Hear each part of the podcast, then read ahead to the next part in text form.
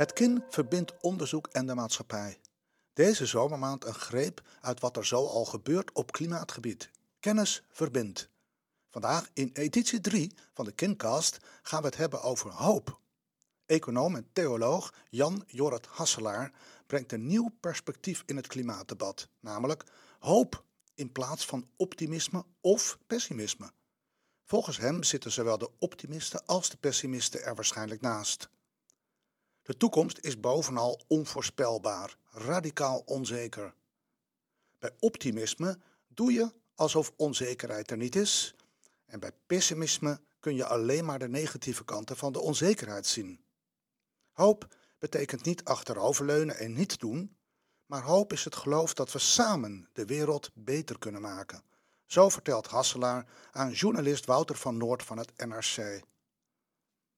Hasselaar ontleent die visie op hoop aan de theologie. Hij ziet het als een alternatief om ons te verhouden tot radicale onzekerheid.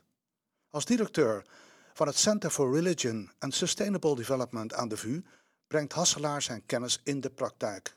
Zo startte hij samen met een consortium van bedrijven, overheden en kennisinstellingen onlangs het project Toekomstbestendige Leefomgeving.